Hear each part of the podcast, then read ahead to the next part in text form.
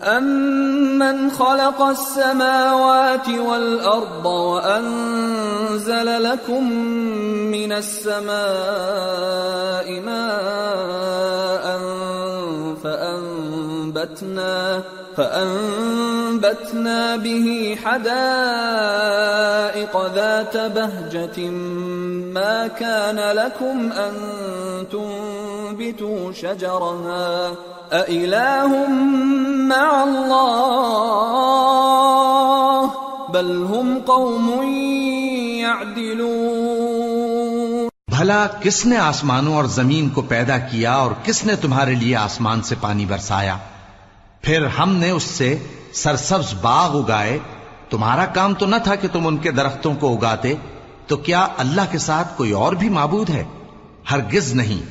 بلکہ یہ لوگ رستے سے الگ ہو رہے ہیں أَمَّن جَعَلَ الْأَرْضَ قَرَارًا وَجَعَلَ خِلَالَهَا أَنْهَارًا وَجَعَلَ لَهَا وَجَعَلَ لَهَا رَوَاسِيَ وَجَعَلَ بَيْنَ الْبَحْرَيْنِ حَاجِزًا أَإِلَٰهٌ مَّعَ اللَّهِ بَلْ أَكْثَرُهُمْ لَا يَعْلَمُونَ۔ بھلا کس نے زمین کو قرارگاہ بنایا اور اس کے بیچ نہریں بنائیں اور اس کے لیے پہاڑ بنائے اور کس نے دو دریاؤں کے بیچ اوٹ بنائی؟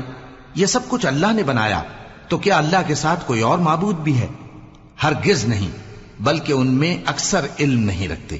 أَمَّن يُجِيبُ الْمُضْطَرَّ إِذَا دَعَاهُ وَيَكْشِفُ السُّوءَ وَيَجْعَلُكُمْ خُلَفَاءَ الْأَرْضِ أَإِلَٰهٌ مَّعَ اللَّهِ قَلِيلًا مَّا تَذَكَّرُونَ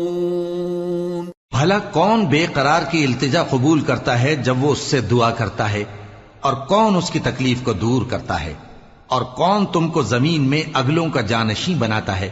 یہ سب کچھ اللہ کرتا ہے۔ تو کیا اللہ کے ساتھ کوئی اور معبود بھی ہے؟ ہرگز نہیں، مگر تم بہت کم غور کرتے ہو۔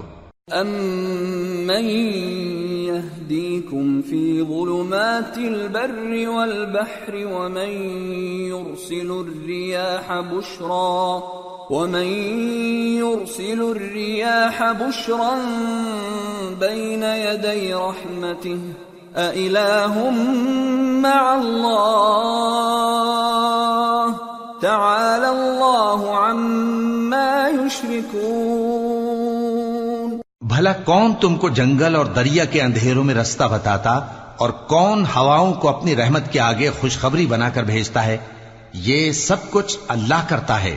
تو کیا اللہ کے ساتھ کوئی اور معبود بھی ہے؟ ہرگز نہیں۔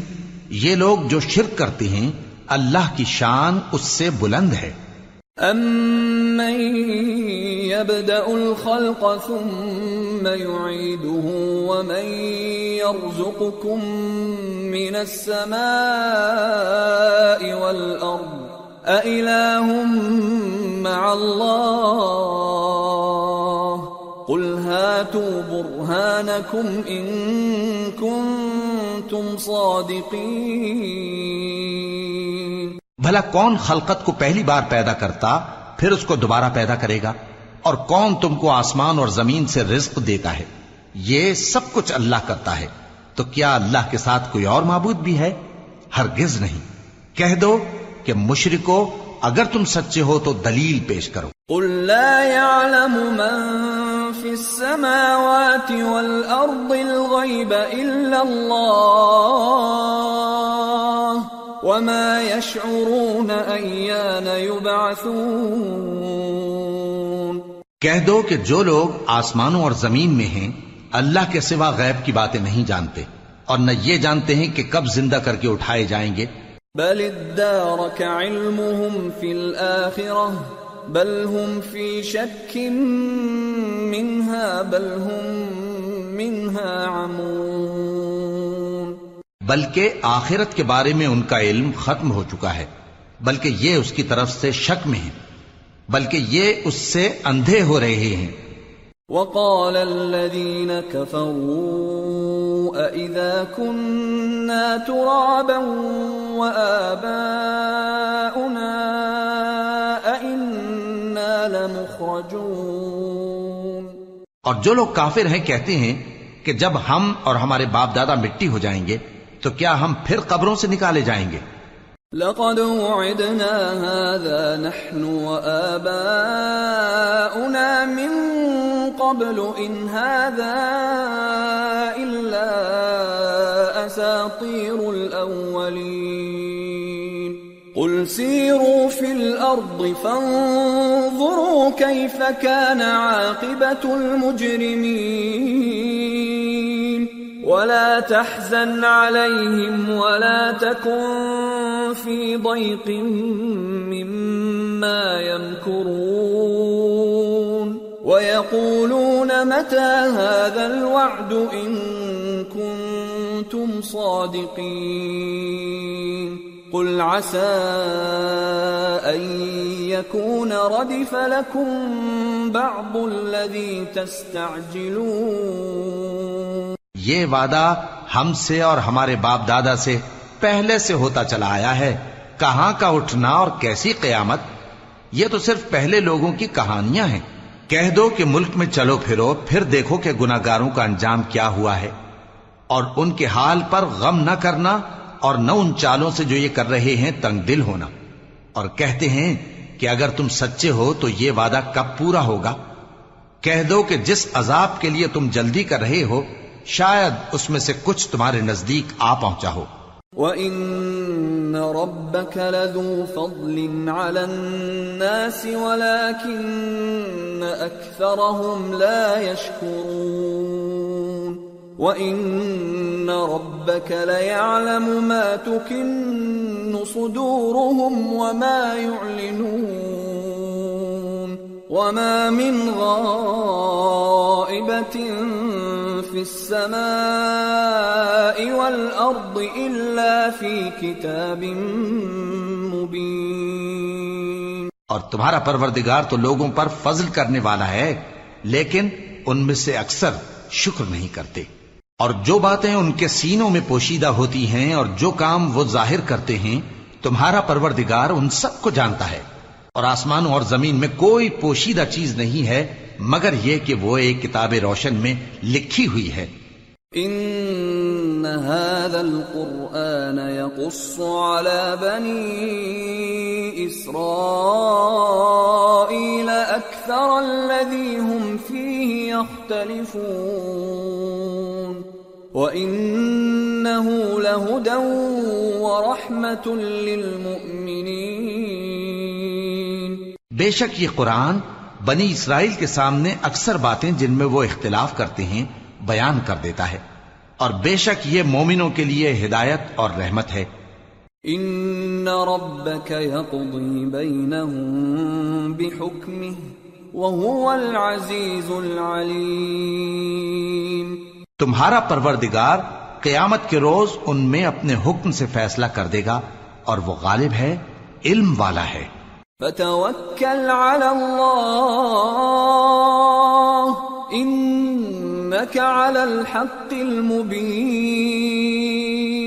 إنك لا تسمع الموتى ولا تسمع الصم الدعاء إذا ولوا مدبرين. وما انت بهاد العمي عن ضلالتهم ان تسمع الا من يؤمن باياتنا فهم مسلمون. تو اللہ پر بھروسہ رکھو، تم تو صاف حق پر ہو۔ کچھ شک نہیں کہ تم مردوں کو بات نہیں سنا سکتے اور نہ بہروں کو، جبکہ وہ پیٹ پھیر لیں، آواز سنا سکتے ہو۔ اور نہ اندھوں کو گمراہی سے نکال کر رستہ دکھا سکتے ہو۔ تم تو انہی کو سنا سکتے ہو جو ہماری آیتوں پر ایمان لاتے ہیں۔ پھر وہ فرما بردار ہو جاتے ہیں۔ وَإِذَا وَقَعَ الْقَوْلُ عَلَيْهِمْ أَخْرَجْنَا لَهُمْ دَابَّةً مِّنَ الْأَرْضِ تُكَلِّمُهُمْ تكلمهم أن الناس كانوا بآياتنا لا يوقنون. اور جب ان کے بارے میں عذاب کا وعدہ پورا ہوگا تو ہم ان کے لیے زمین میں سے ایک جانور نکالیں گے جو ان سے باتیں کرے گا۔ یہ ہم اس لیے کریں گے کہ لوگ ہماری آیتوں پر ایمان نہیں لاتے تھے۔ وَيَوْمَ نَحْشُرُ مِن كُلِّ أُمَّةٍ فَوْجًا مِّن يُكَذِّبُ بِآيَاتِنَا فَهُمْ يُوزَعُونَ. حَتَّى إِذَا جَاءُوا قَالَ أَكَذَّبْتُم بآياتي ولم تحيطوا بها علما أم ماذا كنتم تعملون؟ ووقع القول عليهم بما ظلموا فهم لا ينطقون. ألم يروا أنا جعلنا الليل ليسكنوا فيه والنهار مبصراً؟ إن فی ذلك لآیات لقوم یؤمنون اور جس روز ہم ہر امت میں سے ایک بڑے گروہ کو جمع کریں گے جو ہماری آیتوں کی تکذیب کرتے تھے، پھر ان کی جماعت بندی کی جائے گی۔ یہاں تک کہ جب سب آ جائیں گے تو اللہ فرمائے گا کہ کیا تم نے میری آیتوں کو جھٹلا دیا تھا؟ حالانکہ تم نے اپنے علم سے ان کا احاطہ تو کیا ہی نہ تھا۔ بھلا تم کیا کرتے رہتے تھے؟ اور ان کے ظلم کے سبب ان کے حق میں وعدہ عذاب پورا ہو کر رہے گا، تو وہ بول بھی نہ سکیں گے۔ کیا انہوں نے نہیں دیکھا کہ ہم نے رات کو اس لیے بنایا ہے کہ اس میں آرام کریں اور دن کو روشن بنایا ہے کہ اس میں کام کریں؟ بے شک اس میں مومن لوگوں کے لیے نشانیاں ہیں۔ وَيَوْمَ يُنفَقُ فِي الصُّورِ فَفَزِعَ مَن فِي السَّمَاوَاتِ وَمَن فِي الْأَرْضِ إِلَّا مَن شَاءَ اللَّهُ وَكُلٌّ أَتَوْهُ دَاخِرِينَ وَتَرَى الْجِبَالَ تَحْسَبُهَا جَامِدَةً وَهِيَ تَمُرُّ مَرَّ السَّحَابِ صنع اللہ الذي أتقن كل شيء إنه خبير بما تفعلون اور جس روز سور پھونکا جائے گا تو جو لوگ آسمانوں میں اور جو زمین میں ہیں سب گھبرا اٹھیں گے، مگر وہ جسے اللہ چاہے اور سب اس کے پاس آجز ہو کر چلے آئیں گے۔ اور تم پہاڑوں کو دیکھتے ہو تو خیال کرتے ہو کہ مضبوط جمے ہوئے ہیں، مگر وہ اس روز اس طرح اڑتے پھریں گے جیسے بادل۔ یہ اللہ کی کاریگری ہے جس نے ہر چیز کو مضبوط بنایا۔ بے شک وہ تمہارے سب افعال سے باخبر ہے۔ من بالحسنة فله خير منها وهم من فزع يومئذ آمنون. ومن جاء بالسيئة فكبت وجوههم في النار. فكبت وجوههم في النار هل تجزون إلا ما كنتم تعملون جو شخص نیکی لے کر آئے گا تو اس کے لیے اس سے بہتر بدلہ تیار ہے۔ اور ایسے لوگ اس روز گھبراہٹ سے بے خوف ہوں گے۔ اور جو برائی لے کر آئے گا تو ایسے لوگ اوندے منہ دو میں ڈال دیے جائیں گے۔ تم کو تو انہی اعمال کا بدلہ ملے گا جو تم کرتے رہے ہو۔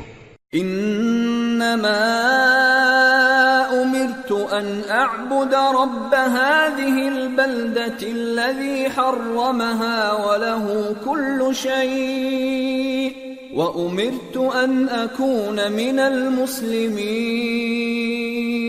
وأن أتلو القرآن فمن اهتدى فإنما يهتدي لنفسه.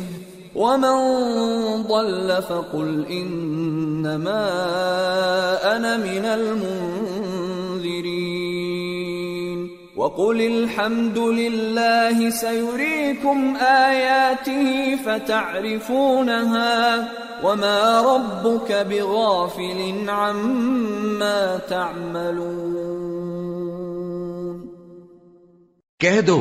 مجھ کو یہی ارشاد ہوا ہے کہ اس شہر مکہ کے مالک کی عبادت کروں جس نے اس کو محترم بنایا ہے، اور ہر چیز اسی کی ہے، اور مجھے یہ بھی حکم ہوا ہے کہ میں فرما بردار رہوں، اور یہ بھی کہ قرآن پڑھا کروں۔ اب جو شخص راہ راست اختیار کرتا ہے تو اپنے ہی فائدے کے لیے اختیار کرتا ہے، اور جو گمراہ رہتا ہے تو کہہ دو کہ میں تو صرف خبردار کرنے والا ہوں۔ اور کہو کہ اللہ کا شکر ہے وہ تم کو انقریب اپنی نشانیاں دکھائے گا تو تم ان کو پہچان لو گے۔ اور جو کام تم کرتے ہو تمہارا پروردگار ان سے بے خبر نہیں ہے۔ سورة القصص۔ بسم الله الرحمن الرحيم طاسيم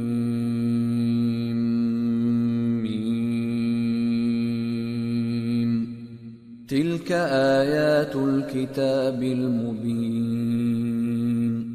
نتلو عليك من نبأ موسى وفرعون بالحق لقوم يؤمنون.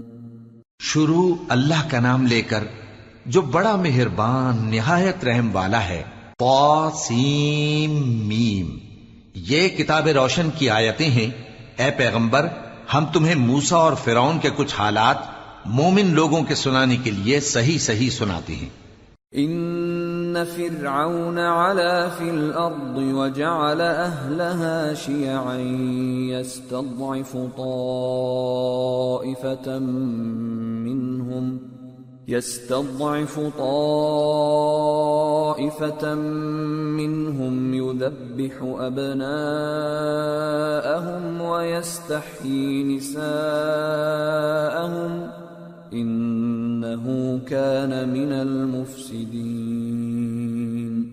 ونريد أن نمن على الذين استضعفوا في الأرض ونجعلهم أئمة ونجعلهم أئمة ونجعلهم الوارثين. ونمكن لهم في الأرض ونري فرعون وهامان وجنودهما منهم ما كانوا يحذرون. کہ فرعون نے ملک میں سر اٹھا رکھا تھا اور وہاں کے باشندوں کو گروہ گروہ بنا رکھا تھا۔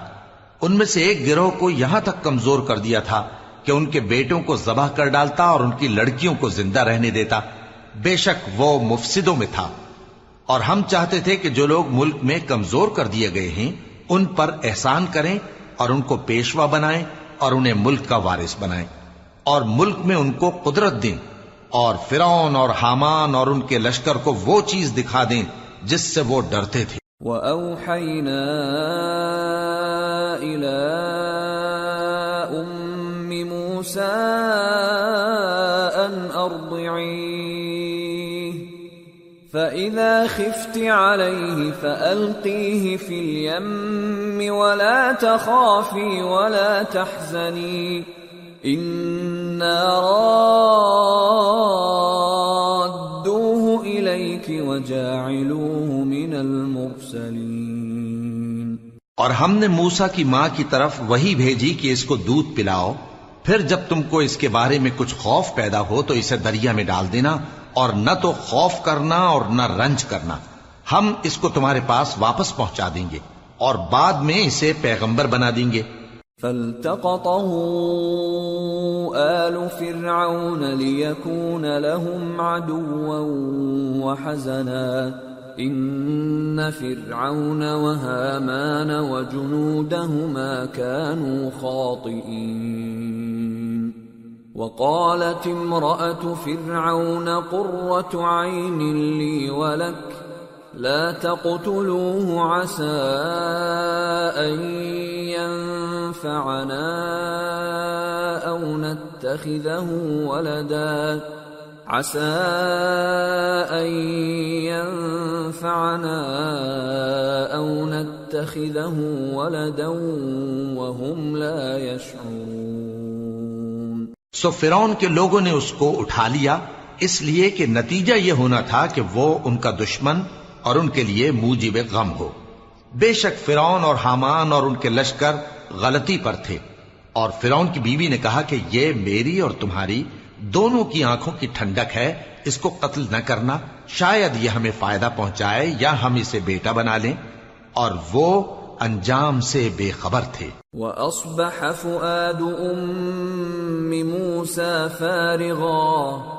إن كادت لتبدي به لولا أن ربطنا على قلبها لتكون من المؤمنين۔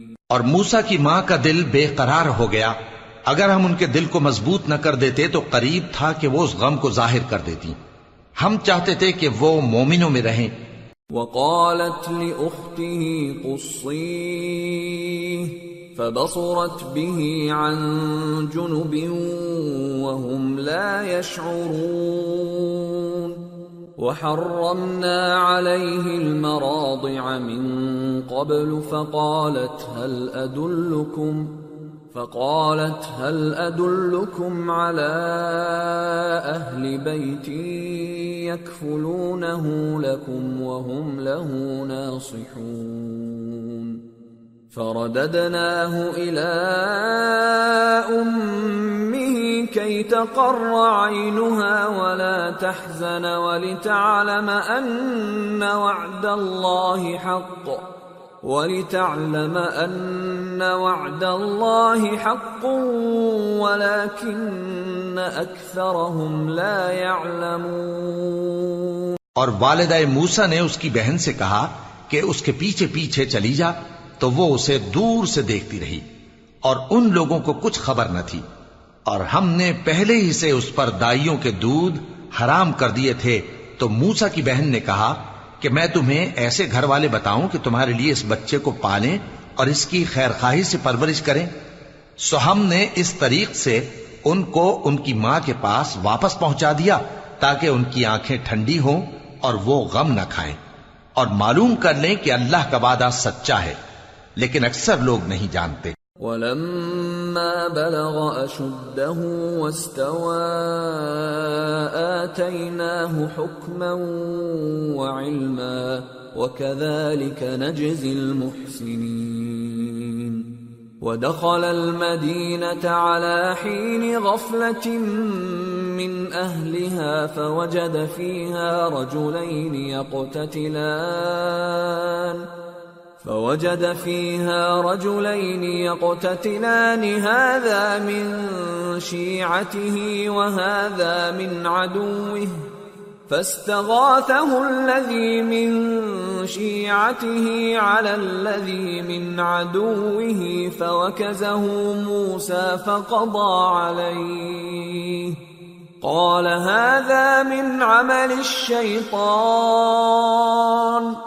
انه عدو مضل مبين. اور جب موسا جوانی کو پہنچے اور بھرپور جوان ہو گئے، تو ہم نے ان کو حکمت اور علم عنایت کیا اور ہم نیکوکاروں کو ایسا ہی بدلہ دیا کرتے ہیں۔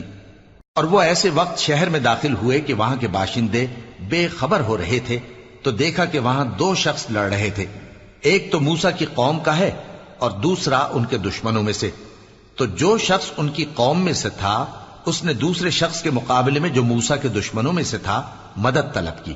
تو موسا نے اس کو مکہ مارا اور اس کا کام تمام کر دیا۔ کہنے لگے کہ یہ تو شیطانی کام ہوا۔ بے شک وہ انسان کا دشمن ہے، کھلا بہکانے والا ہے۔ قال رب إني ظلمت نفسي فاغفر لي فغفر له۔ إنه هو الغفور الرحيم. قال رب بما أنعمت علي فلن أكون ظهيرا للمجرمين.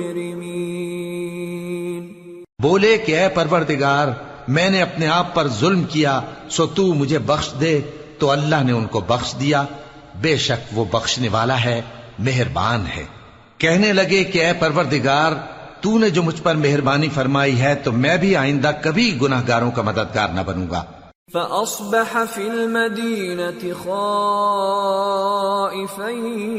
يترقب، فإذا الذي استنصره بالأمس يستصرخه قال له موسى، إنك لغوي مبين فلما أن أراد أن يبطش بالذي هو عدو لهما قال يا موسى قال يا موسى أتريد أن تقتلني كما قتلت نفسا بالأمس إن تريد إلا أن تكون جبارا في الأرض وما تريد أن تكون من المصلحين الغرض صبح کے وقت شہر میں ڈرتے ڈرتے داخل ہوئے کہ دیکھیں کیا ہوتا ہے۔ تو ناگہاں وہی شخص جس نے کل ان سے مدد مانگی تھی، پھر ان کو پکار رہا ہے۔ موسا نے اس سے کہا کہ تو تو بڑا بہکا ہوا ہے۔ پھر جب موسا نے ارادہ کیا کہ اس شخص کو جو ان دونوں کا دشمن تھا پکڑ لیں، تو وہ بول اٹھا کہ جس طرح تم نے کل ایک شخص کو مار ڈالا تھا، اسی طرح چاہتے ہو کہ تم مجھے بھی مار ڈالو۔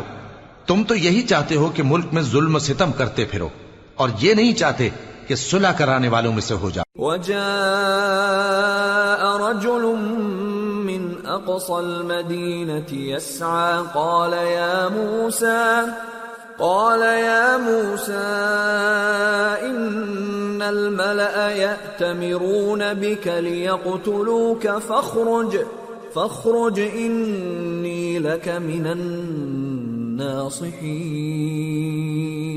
فخرج منها خائفا يترقب.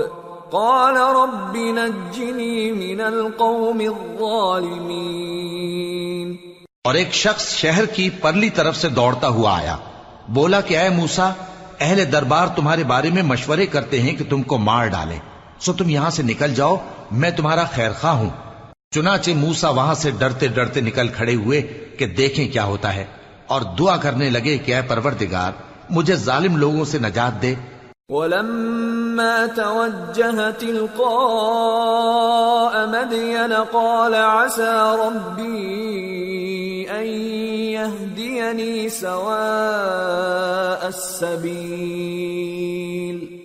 ولما ورد ماء مدين وجد عليه أمة من الناس يسقون ووجد من دونهم امرأتين تذودان. قال ما خطبكما؟ قالتا لا نسقي حتى يصدر الرعاء. وأبونا شيخ كبير. اور جب انہوں نے مدین کی طرف رخ کیا تو کہنے لگے، امید ہے کہ میرا پروردگار مجھے سیدھا رستہ بتائے۔ اور جب مدین کے پانی کے مقام پر پہنچے تو دیکھا کہ وہاں لوگ جمع ہو رہے اور اپنے مویشیوں کو پانی پلا رہے ہیں۔ اور ان کے ایک طرف دو عورتیں اپنی بکریوں کو روکے کھڑی ہیں۔ موسا نے ان سے کہا، تمہارا کیا کام ہے؟ وہ بولی کہ جب تک چرواہے اپنے جانوروں کو لے نہ جائیں، ہم پانی نہیں پلا سکتے اور ہمارے والد بڑی عمر کے بوڑھے ہیں۔ فسقى لهما ثم تولى الظل فقال رب إني لما أنزلت إلي من خير فقير. فجاءته إحداهما تمشي على استحياء قالت قالت إن أبي يدعوك ليجزيك أجر ما سقيت لنا.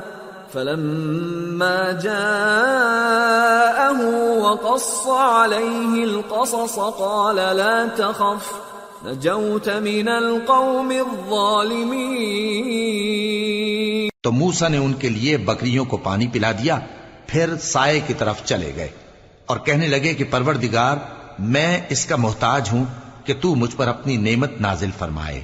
تھوڑی دیر کے بعد ان میں سے ایک عورت جو شرماتی اور لے جاتی چلی آتی تھی موسا کے پاس آئی، کہنے لگی کہ تم کو میرے والد بلاتے ہیں، کہ تم نے جو ہمارے لیے پانی پلایا تھا، اس کی تم کو اجرت دیں۔ پھر جب وہ ان کے پاس آئے اور ان سے اپنا ماجرا بیان کیا، تو انہوں نے کہا کہ کچھ خوف نہ کرو، تم ظالم لوگوں سے بچ آئے ہو۔ قالت إحداهما يا أبت استأجر. إن خير من استأجرت القوي الأمين. قال إني أريد أن أنكحك إحدى ابنتي هاتين على أن تأجرني ثماني حجج. فإن أتممت عشرا فمن عندك. وما أريد أن أشق عليك ستجدني إن شاء الله من الصالحين قال ذلك بيني وبينك أيما الأجلين قضيت فلا عدوان علي والله على ما نقول وكيل. ایک لڑکی بولی کہ ابا، ان کو نوکر رکھ لیجیے، کیونکہ بہترین نوکر جو آپ رکھیں وہ ہے جو توانا ہو امانت دار ہو۔ انہوں نے موسا سے کہا کہ میں چاہتا ہوں کہ اپنی ان دو بیٹیوں میں سے ایک کو تم سے بیاہ دوں۔ اس عہد پر کہ تم آٹھ برس میری خدمت کرو۔ پھر اگر دس سال پورے کر دو تو وہ تمہاری طرف سے احسان ہوگا۔ اور میں تم پر تکلیف ڈالنی نہیں چاہتا۔ تم مجھے انشاءاللہ نیک لوگوں میں پاؤ گے۔ موسا نے کہا کہ مجھ میں اور آپ میں یہ عہد پختہ ہوا۔ میں جو مدت چاہوں پوری کر دوں۔ پھر مجھ پر کوئی زیادتی نہ ہو۔ اور ہم جو معاہدہ کرتے ہیں، اللہ اس پر گواہ ہے۔ فلما قضى موسى الأجل وسار بأهله آنس من جانب الطور نارا قال لأهلهم كثوا قال لأهلهم كثوا إني آنست نارا لعلي آتيكم منها.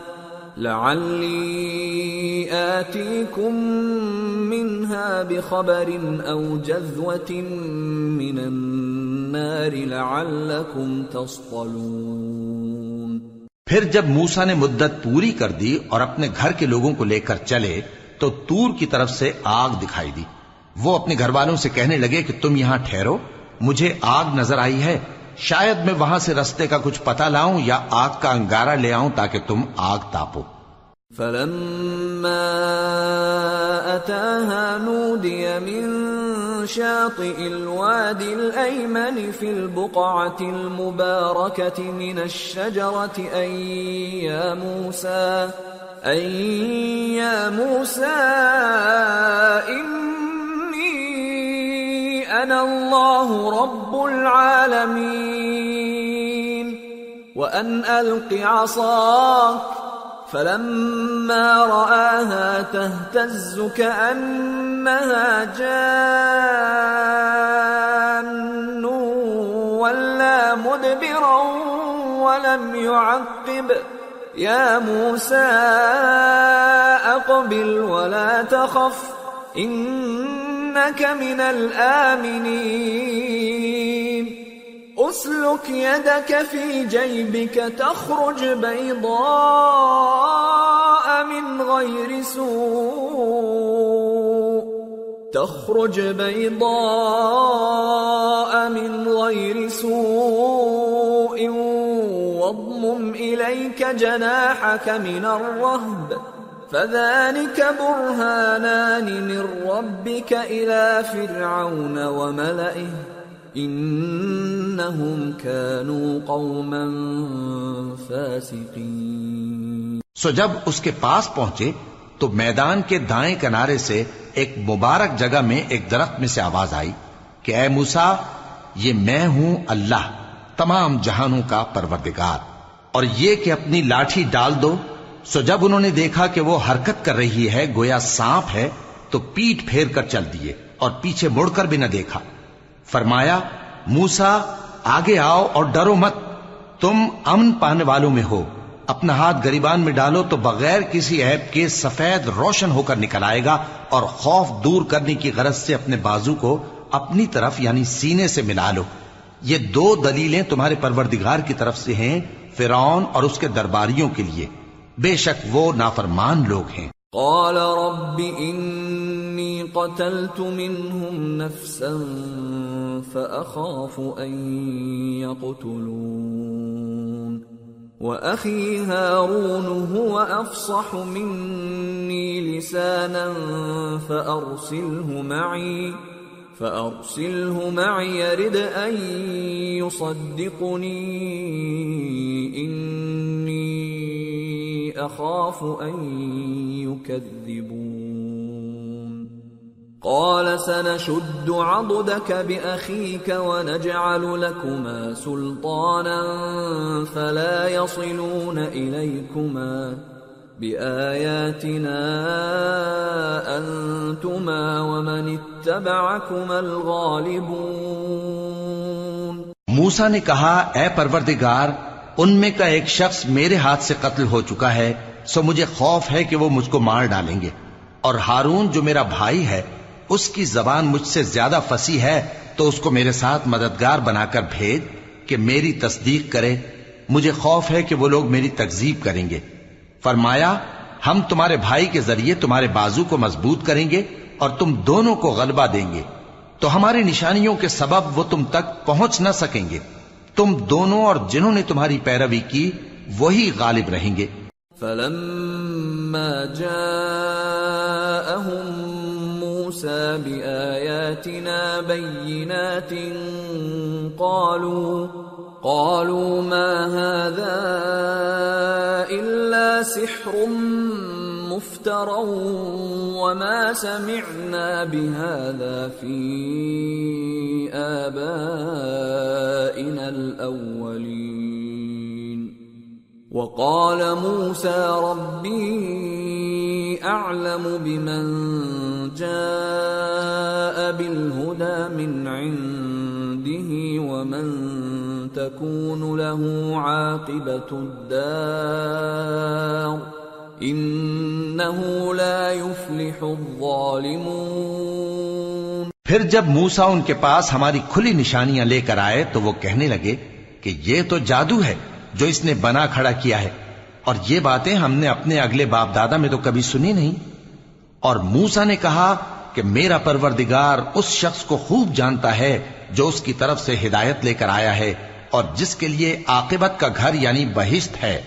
بے شک ظالم کامیاب نہیں ہوں گے وقال فرعون يا أيها الملأ ما علمت لكم من إله غيري فأوقد لي يا هامان على الطين فاجعل لي فاجعل لي صرحا لعلي موسى من الكاذبين. اور فرعون نے کہا کہ اے اہل دربار، میں اپنے سوا کسی کو تمہارا خدا نہیں جانتا۔ سو اے حامان، میرے لیے گارے کو آگ لگا کر اینٹیں پکا دو، پھر ایک اونچا محل بنا دو تاکہ میں موسا کے خدا کی طرف چڑھ کر اسے جھانک لوں اور میں تو اسے جھوٹا سمجھتا ہوں۔ واستكبر هو وجنوده في الأرض بغير الحق وظنوا أنهم إلينا لا يرجعون فأخذناه وجنوده فنبذناهم في اليم فانظر كيف كان عاقبة الظالمين. وجعلناهم أئمة يدعون إلى النار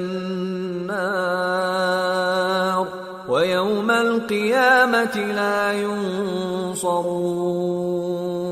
وأتبعناهم في هذه الدنيا لعنة ويوم القيامة هم من المقبوحين اور وہ اور اس کے لشکر ملک میں ناحق مغرور ہو رہے تھے اور خیال کرتے تھے کہ وہ ہماری طرف لوٹ کر نہیں آئیں گے۔ تو ہم نے اسے اور اس کے لشکروں کو پکڑ لیا۔ آخر ہم نے انہیں سمندر میں پھینک دیا۔ سو دیکھ لو کہ ظالموں کا کیسا انجام ہوا۔ اور ہم نے ان کو پیشوا بنایا تھا۔ وہ لوگوں کو دوزخ کی طرف بلاتے تھے۔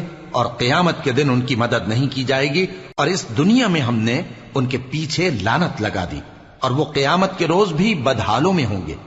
وَلَقَدْ آتَيْنَا مُوسَى الْكِتَابَ مِن بَعْدِ مَا أَهْلَكْنَا الْقُرُونَ الْأُولَى بَصَائِرَ لِلنَّاسِ بصائر للناس وهدى ورحمة لعلهم يتذكرون. اور ہم نے پہلی امتوں کے ہلاک کرنے کے بعد موسا کو کتاب دی، جو لوگوں کے لیے بصیرت اور ہدایت اور رحمت ہے، تاکہ وہ نصیحت حاصل کریں۔ وما كنت بجانب الغربي إذ قضينا إلى موسى الأمر وما كنت من الشاهدين ولكننا أنشأنا قرونا فتطاول عليهم العمر وما كنت ثاويا مدين تتلو عليهم آياتنا ولكننا كنا مرسلين. اور جب ہم نے موسا کی طرف حکم بھیجا تھا تو تم تور کی مغربی جانب نہیں تھے اور نہ اس واقعے کے دیکھنے والوں میں تھے. لیکن ہم نے موسا کے بعد کئی امتوں کو پیدا کیا. پھر ان پر ایک لمبی مدت گزر گئی اور نہ تم مدین والوں میں رہنے والے تھے کہ ان کو ہماری آیتیں پڑھ پڑھ کر سناتے تھے. اور ہاں ہم ہی تو پیغمبر بھیجنے والے تھے وما كنت بجانب الطور إذ نادينا ولكن رحمة من ربك لتنذر قوما ما أتاهم من نذير لتنذر قوما ما أتاهم من نذير قبلك لعلهم يتذكرون۔ اور نہ تم اس وقت جبکہ ہم نے موسا کو آواز دی تور کے کنارے تھے بلکہ تمہارا بھیجا جانا تمہارے پروردگار کی رحمت ہے تاکہ تم ان لوگوں کو جن کے پاس تم سے پہلے کوئی خبردار کرنے والا نہیں آیا خبردار کرو تاکہ وہ نصیحت حاصل کریں۔ ولولا ان تصيبهم مصيبة بما قدمت أيديهم فيقولوا ربنا فيقولوا ربنا لولا أرسلت إلينا رسولا فنتبع آياتك ونكون من المؤمنين اور اے پیغمبر ہم نے تم کو اس لیے بھیجا ہے کہ ایسا نہ ہو کہ اگر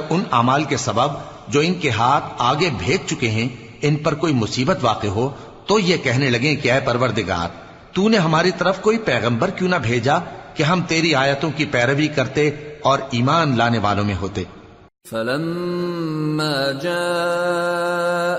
الحق من عندنا قالوا لولا أوتي مثل ما أوتي موسى أولم يكفروا بما أوتي موسى من قبل قالوا سحران تظاهرا وقالوا إنا بكل كافرون پھر جب ان کے پاس ہماری طرف سے حق آ پہنچا تو کہنے لگے کہ جیسی نشانیاں موسا کو ملی تھیں، ویسی اس کو کیوں نہیں ملی؟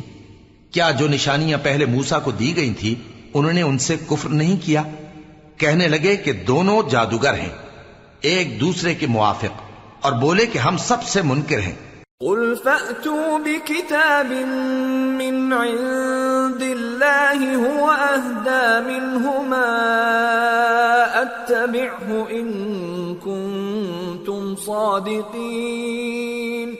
فإن لم يستجيبوا لك فاعلم أنما يتبعون أهواءهم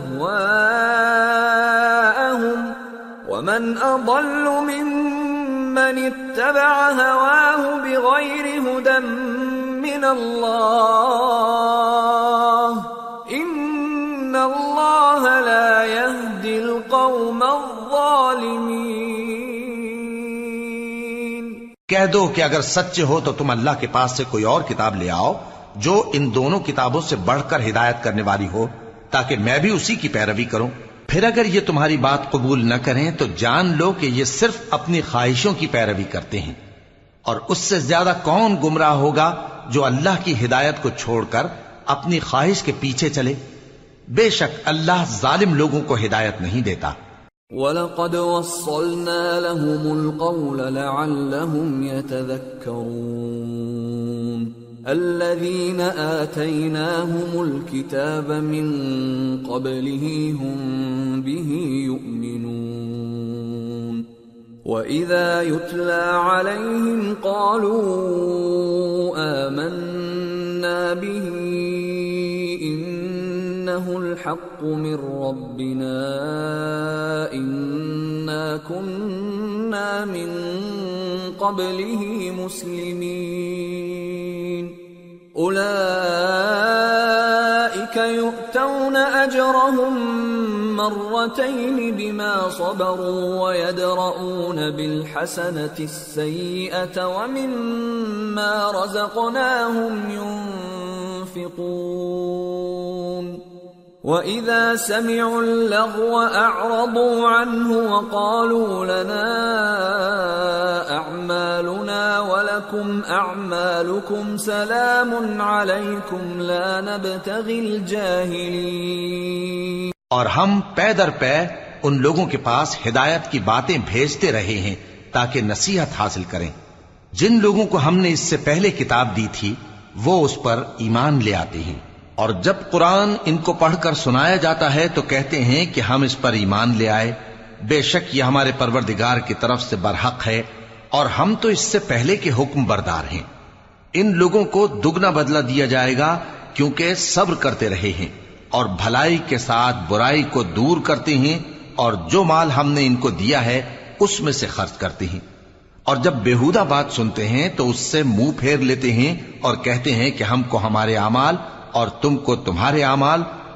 تم کو سلام ہم جاہلوں کو نہیں چاہتے إنك لا تهدي من أحببت ولكن الله يهدي من يشاء وهو أعلم بالمهتدين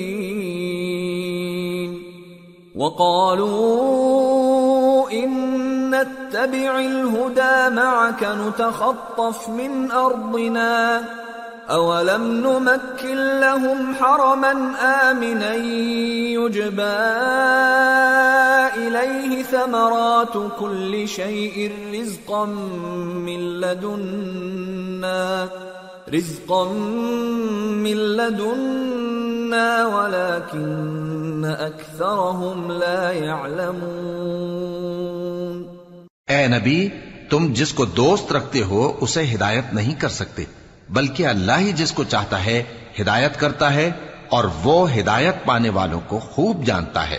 اور کہتے ہیں کہ اگر ہم تمہارے ساتھ ہدایت کی پیروی کریں، تو اپنے ملک سے اچک لیے جائیں۔ کیا ہم نے ان کو حرم میں جو امن کا مقام ہے جگہ نہیں دی، جہاں ہر قسم کے میوے پہنچائے جاتے ہیں بطور رزق ہماری طرف سے، لیکن ان میں سے اکثر نہیں جانتے۔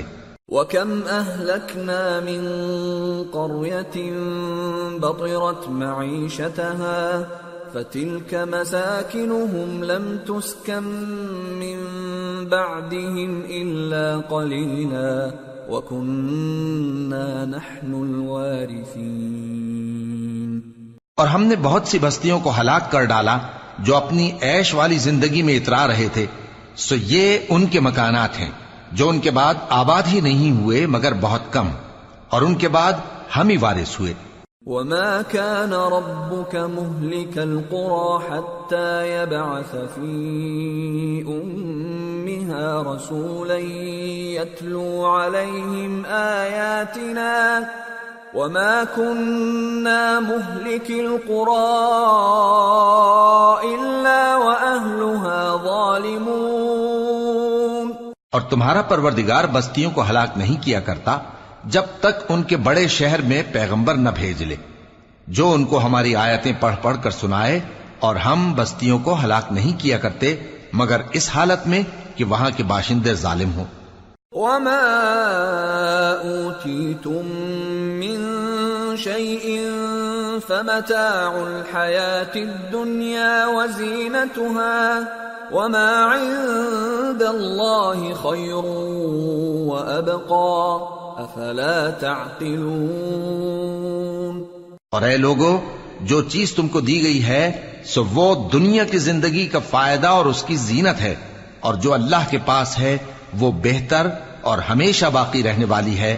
کیا تم سمجھتے نہیں؟ افمن وعدناه وعدا حسنا فهو لاقيه كمن متعناه متاع الحياة الدنيا كمن متعناه متاع الحياة الدنيا ثم هو يوم القيامة من المحضرين بھلا جس شخص سے ہم نے اچھا وعدہ کیا اور وہ اسے حاصل کرنے والا ہے، تو کیا وہ اس شخص کا سا ہے جس کو ہم نے دنیا کی زندگی کے فائدے سے بہرہ مند کیا، پھر وہ قیامت کے روز ان لوگوں میں ہو جو گرفتار کر کے حاضر کیے جائیں گے؟ وَيَوْمَ يُنَادِيهِمْ فَيَقُولُ أَيْنَ شُرَكَائِيَ الَّذِينَ كُنْتُمْ تَزْعُمُونَ؟ قَالَ الَّذِينَ حَقَّ عَلَيْهِمُ الْقَوْلُ رَبَّنَا هَؤُلَاءِ الَّذِينَ أَغْوَيْنَا أَغْوَيْنَاهُمْ كَمَا غَوَيْنَا. تبرأنا إليك ما كانوا إيانا يعبدون. اور جس روز اللہ ان کو پکارے گا، سو کہے گا کہ میرے وہ شریک کہاں ہیں جن کا تمہیں دعویٰ تھا؟ تو جن لوگوں پر عذاب کا حکم ثابت ہو چکا ہوگا، وہ کہیں گے کہ اے ہمارے پروردگار، یہ وہ لوگ ہیں جن کو ہم نے گمراہ کیا تھا اور جس طرح ہم خود گمراہ ہوئے تھے، اسی طرح ہم نے ان کو گمراہ کیا تھا۔ اب ہم تیری طرف متوجہ ہو کر ان سے بیزار ہوتے ہیں۔ یہ ہمیں نہیں پوچھتے تھے۔ وقيل ادعوا شركاءكم فدعوهم فلم يستجيبوا لهم ورأوا العذاب لو أنهم كانوا يهتدون اور کہا جائے گا کہ اپنے شریکوں کو بلاؤ، سو وہ ان کو پکاریں گے، تو وہ ان کو جواب نہ دے سکیں گے۔ اور جب عذاب کو دیکھ لیں گے تو تمنا کریں گے کہ کاش وہ ہدایت یاب ہوتے۔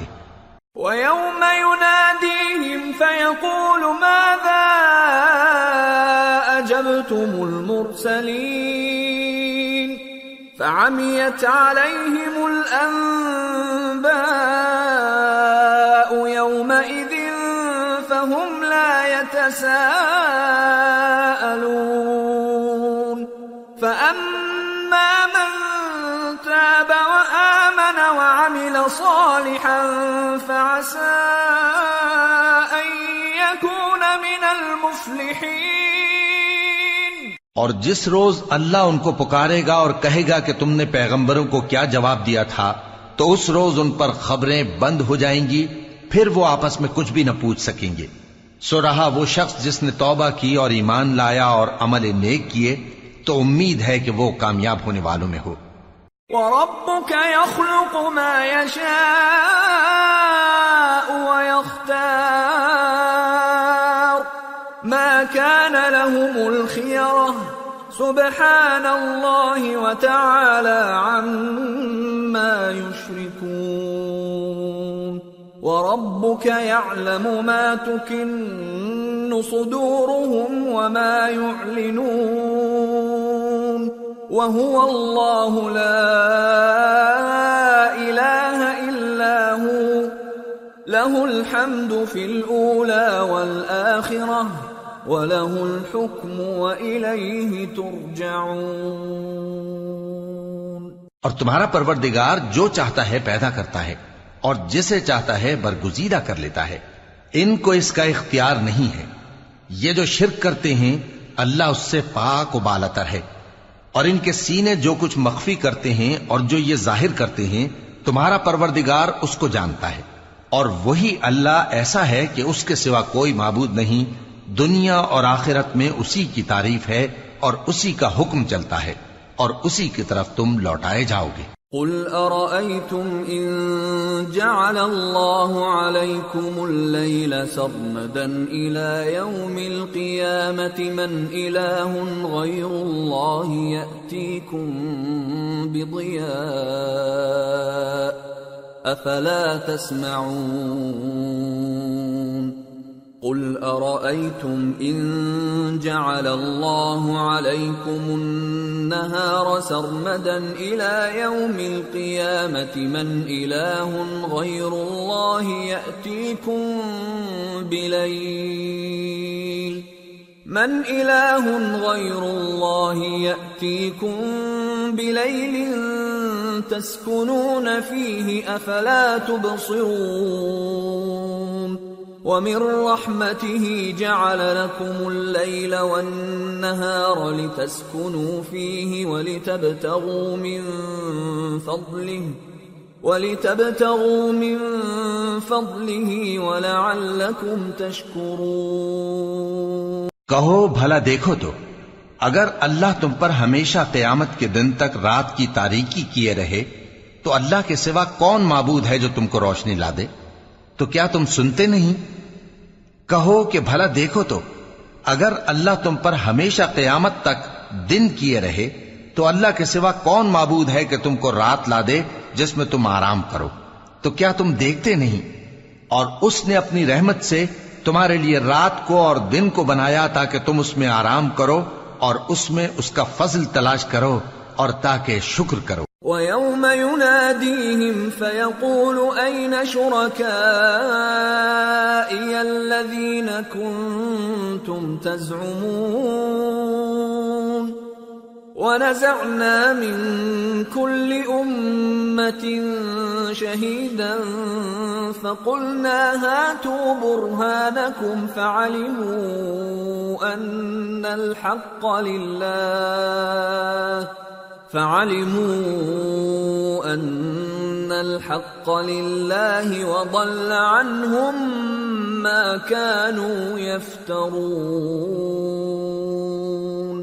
اور جس دن وہ ان کو پکارے گا تو کہے گا کہ میرے وہ شریک جن کا تمہیں دعویٰ تھا کہاں ہیں؟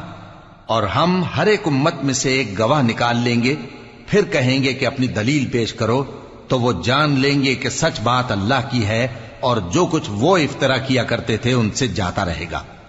إن قارون كان من قوم موسى فبغى عليهم وآتيناه من الكنوز ما إن مفاتحه لتنوء بالعصبة أولي القوة إذ قال له قومه لا تفرح۔ ان اللہ لا يحب الفرحین وابتغ فيما آتاك الله الدار الآخرة ولا تنس نصيبك من الدنيا وأحسن كما أحسن الله إليك ولا تبغ الفساد في الأرض ان اللہ لا يحب المفسدین قارون موسا کی قوم میں سے تھا، پھر وہ ان پر زیادتی کرنے لگا اور ہم نے اس کو اتنے خزانے دیے تھے کہ ان کی کنجیاں ایک طاقتور جماعت کو اٹھانا مشکل ہوتی۔ جب اس سے اس کی قوم نے کہا کہ اترائیے مت، کہ اللہ اترانے والوں کو پسند نہیں کرتا اور جو مال تم کو اللہ نے عطا فرمایا ہے، اس سے آخرت کی بھلائی طلب کیجیے اور دنیا سے اپنا حصہ نہ بھلائیے۔ اور جیسی اللہ نے تم سے بھلائی کی ہے، ویسی تم بھی لوگوں سے بھلائی کرو۔ اور ملک میں طالب فساد نہ ہو، کیونکہ اللہ فساد کرنے والوں کو دوست نہیں رکھتا۔ قال انما اوتیتہ علی علم عند اولم يعلم ان الله قد اهلك من قبله من القرون من هو اشد منه قوه وأكثر جمعا ولا يسال عن ذنوبهم المجرمون وہ بولا کہ یہ مال مجھے میرے ایک ہنر کے سبب ملا ہے۔ کیا اس کو معلوم نہیں تھا کہ اللہ نے اس سے پہلے بہت سی امتیں جو اس سے قوت میں بڑھ کر اور جمیت میں بیشتر تھیں ہلاک کر ڈالی تھیں اور گناہ گاروں سے ان کے گناہوں کے بارے میں پوچھا نہیں جائے گا۔ فخرج على قومه في زينته، قال الذين يريدون الحياة الدنيا يا ليت لنا مثل ما أوتي قارون إن إنه لذو حظ عظيم.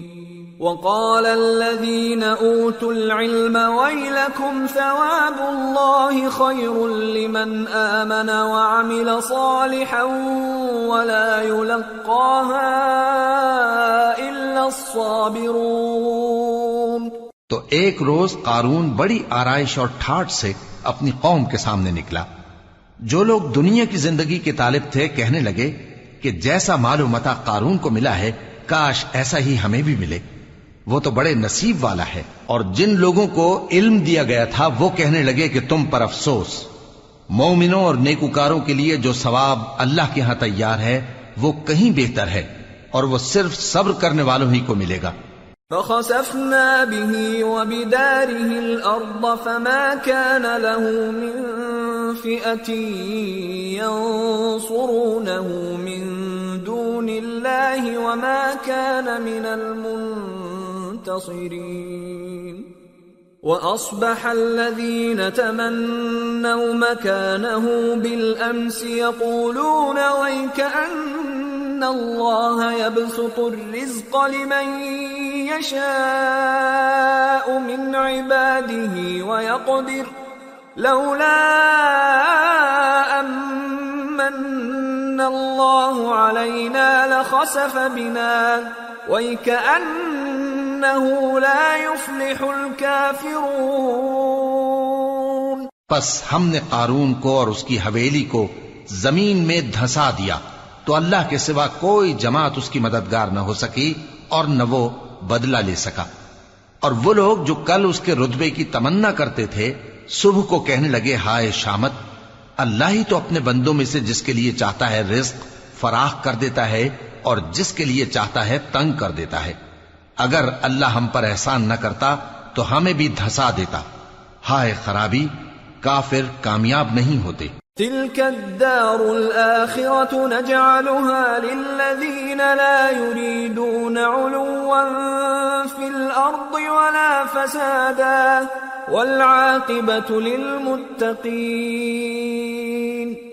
من جاء بالحسنة فله خير منها ومن جاء بالسيئة فلا يجزى الذين عملوا السيئات إلا ما كانوا يعملون وہ جو آخرت کا گھر ہے، ہم نے اسے ان لوگوں کے لیے تیار کر رکھا ہے جو ملک میں ظلم اور فساد کا ارادہ نہیں رکھتے۔ اور انجام نیک تو پرہیزگاروں ہی کا ہے۔ جو شخص نیکی لے کر آئے گا، اس کے لیے اس سے بہتر سلا ہوگا، اور جو برائی لائے گا تو جن لوگوں نے برے کام کیے ان کو بدلہ بھی اسی طرح کا ملے گا جس طرح کے وہ کام کرتے تھے۔ ان الذي فرض عليك القرآن لرادك الى معاد قل ربي اعلم من جاء بالهدى ومن هو في ضلال مبين اے پیغمبر، جس اللہ نے تم پر قرآن کے احکام کو فرض کیا ہے، وہ تمہیں پہلی جگہ لوٹا دے گا۔ کہہ دو کہ میرا پروردگار اس شخص کو بھی خوب جانتا ہے جو ہدایت لے کر آیا اور اس کو بھی جو کھلی گمراہی میں ہے۔ وما كنت ترجو أن يلقى إليك الكتاب إلا رحمة من ربك فلا تكونن ظهيرا للكافرين. اور اے نبی تمہیں امید نہ تھی کہ تم پر یہ کتاب نازل کی جائے گی مگر تمہارے پروردگار کی مہربانی سے نازل ہوئی سو تم ہرگز کافروں کے مددگار نہ ہونا۔ ولا يصدنك عن آيات الله بعد إذ أنزلت إليك وادع إلى ربك ولا تكونن من المشركين ولا تدع مع الله إلها آخر. لا إله إلا هو. كل شيء هالك إلا وجهه. له الحكم وإليه ترجعون. اور وہ تمہیں اللہ کی آیتوں کی تبلیغ سے بعد اس کے کہ وہ تم پر نازل ہو چکی ہیں روک نہ دیں اور اپنے پروردگار کو پکارتے رہو اور مشرکوں میں سے ہرگز نہ ہو جانا اور اللہ کے ساتھ کسی اور کو معبود سمجھ کر نہ پکارنا، اس کے سوا کوئی معبود نہیں، اس کی ذات پاک کے سوا ہر چیز فنا ہونے والی ہے، اسی کا حکم چلتا ہے اور اسی کی طرف تم لوٹ کر جاؤ گے۔ سورة العنكبوت بسم الله الرحمن الرحيم. ألف لام ميم. أحسب الناس أن يتركوا أن يقولوا آمنا وهم لا يفتنون. ولقد فتنا الذين من قبلهم فليعلمن الله الذين صدقوا وليعلمن الكاذبين شروع اللہ کا نام لے کر جو بڑا مہربان، نہایت رحم والا ہے۔ الف لام میم۔ کیا لوگ یہ خیال کیے ہوئے ہیں کہ صرف یہ کہنے سے کہ ہم ایمان لے آئے، چھوڑ دیے جائیں گے؟ اور ان کی آزمائش نہیں کی جائے گی۔ اور جو لوگ ان سے پہلے ہو چکے ہیں، ہم نے ان کو بھی آزمایا تھا اور ان کو بھی آزمائیں گے۔ سو اللہ ان کو ضرور معلوم کرے گا جو اپنے ایمان میں سچے ہیں اور ان کو بھی جو جھوٹے ہیں۔ أم حسب الذين يعملون السيئات أن يسبقونا ساء ما يحكمون کیا وہ لوگ جو برے کام کرتے ہیں یہ سمجھے ہوئے ہیں کہ یہ ہمارے قابو سے نکل جائیں گے؟ جو فیصلہ یہ کرتے ہیں برا ہے۔ من كان يرجو لقاء الله فإن أجل الله لآت وهو السميع العليم ومن جاهد فإنما يجاهد لنفسه إن الله لغني عن العالمين والذين آمنوا وعملوا الصالحات لنكفرن عنهم سيئاتهم ولنجزينهم ولنجزينهم أحسن الذي كانوا يعملون جو شخص اللہ کی ملاقات کی امید رکھتا ہو تو اللہ کا مقرر کیا ہوا وقت ضرور آنے والا ہے اور وہ سننے والا ہے، جاننے والا ہے۔ اور جو شخص محنت کرتا ہے تو اپنے ہی فائدے کے لیے محنت کرتا ہے۔ بے شک اللہ تو سارے جہان سے بے نیاز ہے۔ اور جو لوگ ایمان لائے اور نیک عمل کرتے رہے، ہم ان کے گناہوں کو ان سے دور کر دیں گے اور ان کو ان کے اعمال کا بہت اچھا بدلہ دیں گے۔ ووصينا الإنسان بوالديه حسنا وإن جاهداك لتشرك بي ما ليس لك به علم فلا تطعهما. إلي مرجعكم فأنبئكم بما كنتم تعملون. والذين آمنوا وعملوا الصالحات لندخلنهم في الصالحين اور ہم نے انسان کو اس کے ماں باپ کے ساتھ نیک سلوک کرنے کا حکم دیا ہے۔ اے مخاطب، اگر تیرے ماں باپ تجھے مجبور کریں کہ تو میرے ساتھ کسی کو شریک بنائے جس کی حقیقت کی تجھے واقفیت نہیں، تو ان کا کہا نہ مانیو۔ تم سب کو میری طرف لوٹ کرانا ہے، پھر جو کچھ تم کرتے تھے میں تم کو جتا دوں گا۔ اور جو لوگ ایمان لائے اور نیک عمل کرتے رہے، ان کو ہم نیک لوگوں میں داخل کریں گے۔ ومن الناس من يقول آمنا بالله فإذا أوذي في الله جعل فتنة الناس كعذاب الله فإذا أوذي في الله جعل فتنة الناس كعذاب الله ولئن جاء نصر من ربك ليقولن ليقولن إنا كنا معكم أوليس الله بأعلم بما في صدور العالمين وَلَيَعْلَمَنَّ اللَّهُ الَّذِينَ آمَنُوا وَلَيَعْلَمَنَّ الْمُنَافِقِينَ. اور بعض لوگ ایسے ہیں جو کہتے ہیں کہ ہم اللہ پر ایمان لائے، پھر جب ان کو اللہ کے رستے میں کوئی ایزا پہنچتی ہے، تو لوگوں کے ایزا پہنچانے کو یوں سمجھتے ہیں جیسے اللہ کا عذاب۔ اور اگر تمہارے پروردگار کی طرف سے مدد پہنچے، تو کہتے ہیں کہ ہم تو تمہارے ساتھ تھے۔ کیا جو اہل عالم کے سینوں میں ہے، اللہ اس سے واقف نہیں؟ اور اللہ ان کو ضرور معلوم کرے گا جو سچے مومن ہیں، اور وہ منافقوں کو بھی معلوم کر کے رہے گا۔ وقال الذين كفروا للذين آمنوا اتبعوا سبيلنا ولنحمل خطاياكم وما هم بحاملين من خطاياهم من شيء. انہم لکاذبون وليحملن اثقالهم واثقالا مع اثقالهم وليسألن يوم القيامة عما كانوا يفترون اور جو کافر ہیں، وہ مومنوں سے کہتے ہیں کہ ہمارے طریقے پر چلو اور ہم تمہارے گناہ اٹھا لیں گے۔ حالانکہ وہ ان کے گناہوں کا کچھ بھی بوجھ اٹھانے والے نہیں۔ کچھ شک نہیں کہ یہ جھوٹے ہیں اور یہ اپنے بوجھ بھی اٹھائیں گے اور اپنے بوجھوں کے ساتھ اور لوگوں کے بوجھ بھی۔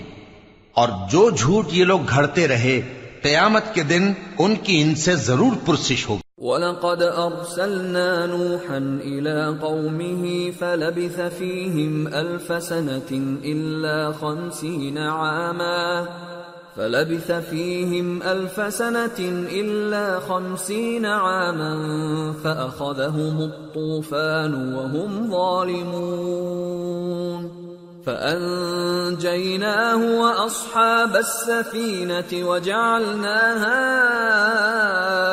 آية للعالمين اور ہم نے نوح کو ان کی قوم کی طرف بھیجا تو وہ ان میں پچاس برس کم ہزار برس رہے۔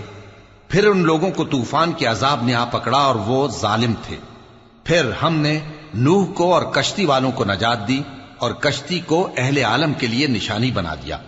وَإِبْرَاهِيمَ إِذْ قَالَ لِقَوْمِهِ اعْبُدُوا اللَّهَ وَاتَّقُوهُ ذَلِكُمْ خَيْرٌ لَكُمْ إِن كُنتُمْ تَعْلَمُونَ إنما تعبدون من دون الله أوثانا وتخلقون إفكا. إن الذين تعبدون من دون الله لا يملكون لكم رزقا فابتغوا عند الله الرزق واعبدوه واشكروا له. إليه ترجعون.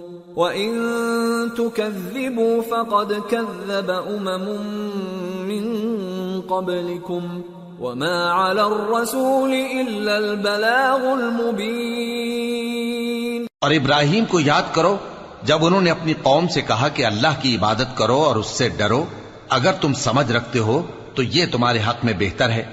تم تو اللہ کو چھوڑ کر بتوں کو پوجتے اور جھوٹی باتیں بناتے ہو جن لوگوں کو تم اللہ کے سوا پوچھتے ہو، وہ تم کو رزق دینے کا اختیار نہیں رکھتے۔ پس اللہ ہی کے ہاں سے رزق طلب کرو اور اسی کی عبادت کرو اور اسی کا شکر کرو۔ اسی کی طرف تم لوٹ کر جاؤ گے۔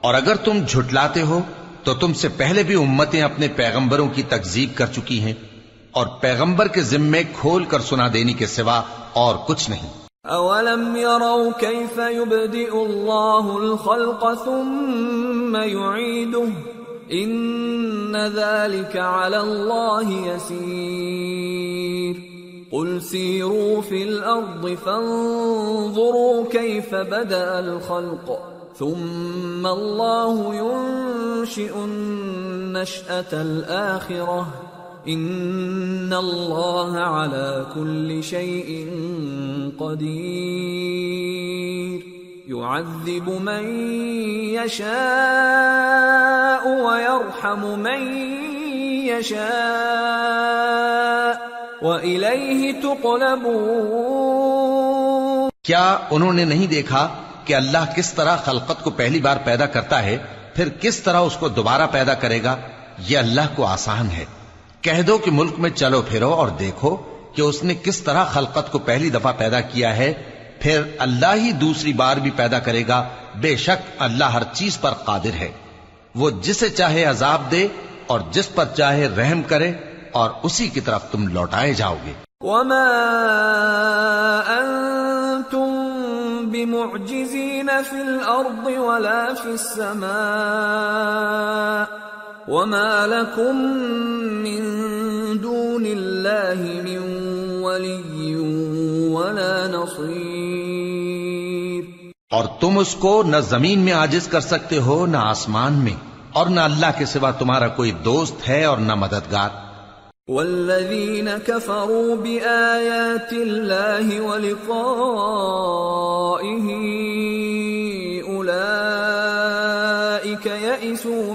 رحمتي وأولئك وأولئك لهم عذاب أليم. اور جن لوگوں نے اللہ کی آیتوں سے اور اس کے سامنے حاضر ہونے سے انکار کیا وہ میری رحمت سے نا امید ہو گئے ہیں اور ان کو درد دینے والا عذاب ہوگا۔ فما كان جواب قومه قالوا اقتلوه أو حرقوه فأنجاه الله من النار. إن في ذلك لآيات لقوم يؤمنون.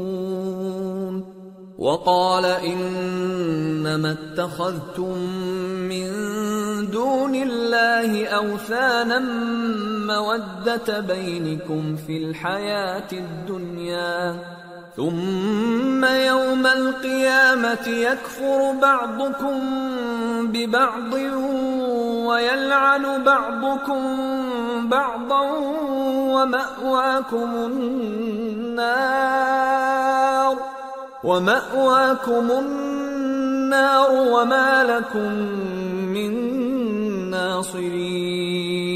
تو ان کی قوم کے لوگ جواب میں بولے تو یہ بولے کہ اسے مار ڈالو یا جلا دو۔ مگر اللہ نے ان کو آگ میں جلنے سے بچا لیا۔ جو لوگ ایمان رکھتے ہیں، ان کے لیے اس میں نشانیاں ہیں۔ اور ابراہیم نے کہا کہ تم جو اللہ کو چھوڑ کر بتوں کو لے بیٹھے ہو، تو دنیا کی زندگی میں باہم دوستی کے لیے۔ مگر پھر قیامت کے دن ایک دوسرے کی دوستی سے انکار کر دو گے اور ایک دوسرے پر لانت بھیجو گے اور تمہارا ٹھکانہ دوزخ ہوگا اور کوئی تمہارا مددگار نہ ہوگا۔ فآمن له لوط وقال إني مهاجر إلى ربي إنه هو العزيز الحكيم۔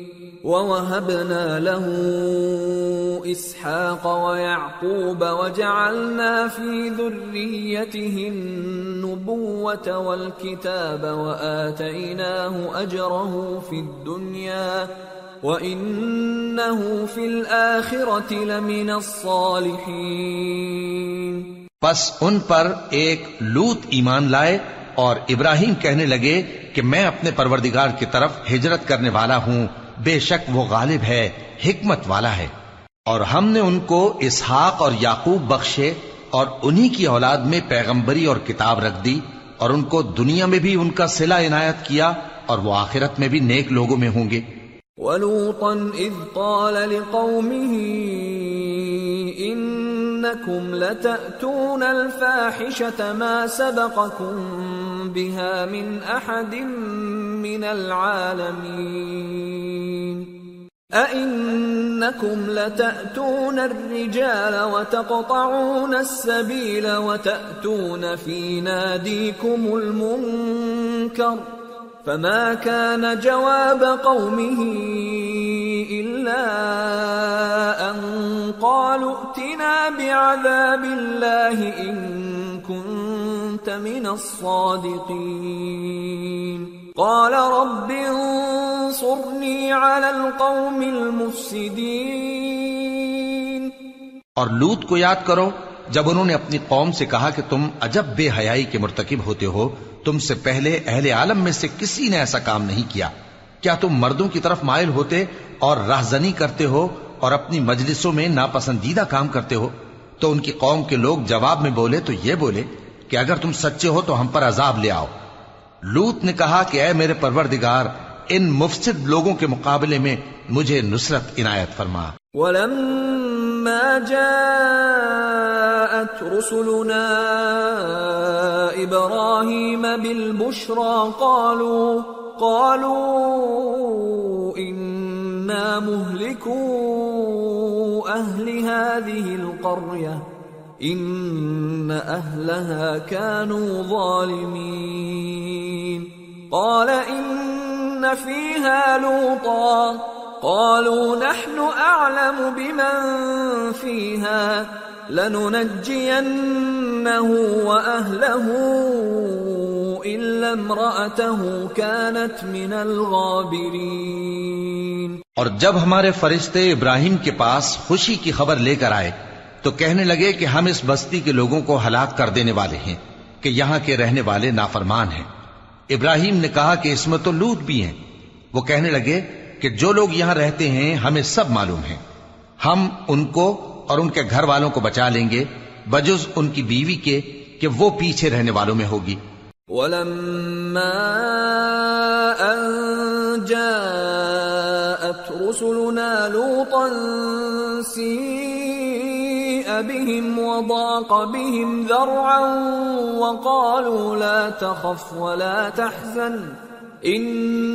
منجوك كانت من الغابرين۔ اور جب ہمارے فرشتے لوت کے پاس آئے تو وہ ان کی وجہ سے نہ خوش اور تنگ دل ہوئے۔ فرشتوں نے کہا، کچھ خوف نہ کیجیے اور نہ رنج کیجیے ہم آپ کو اور آپ کے گھر والوں کو بچا لیں گے، مگر آپ کی بیوی کے پیچھے رہنے والوں میں ہوگی۔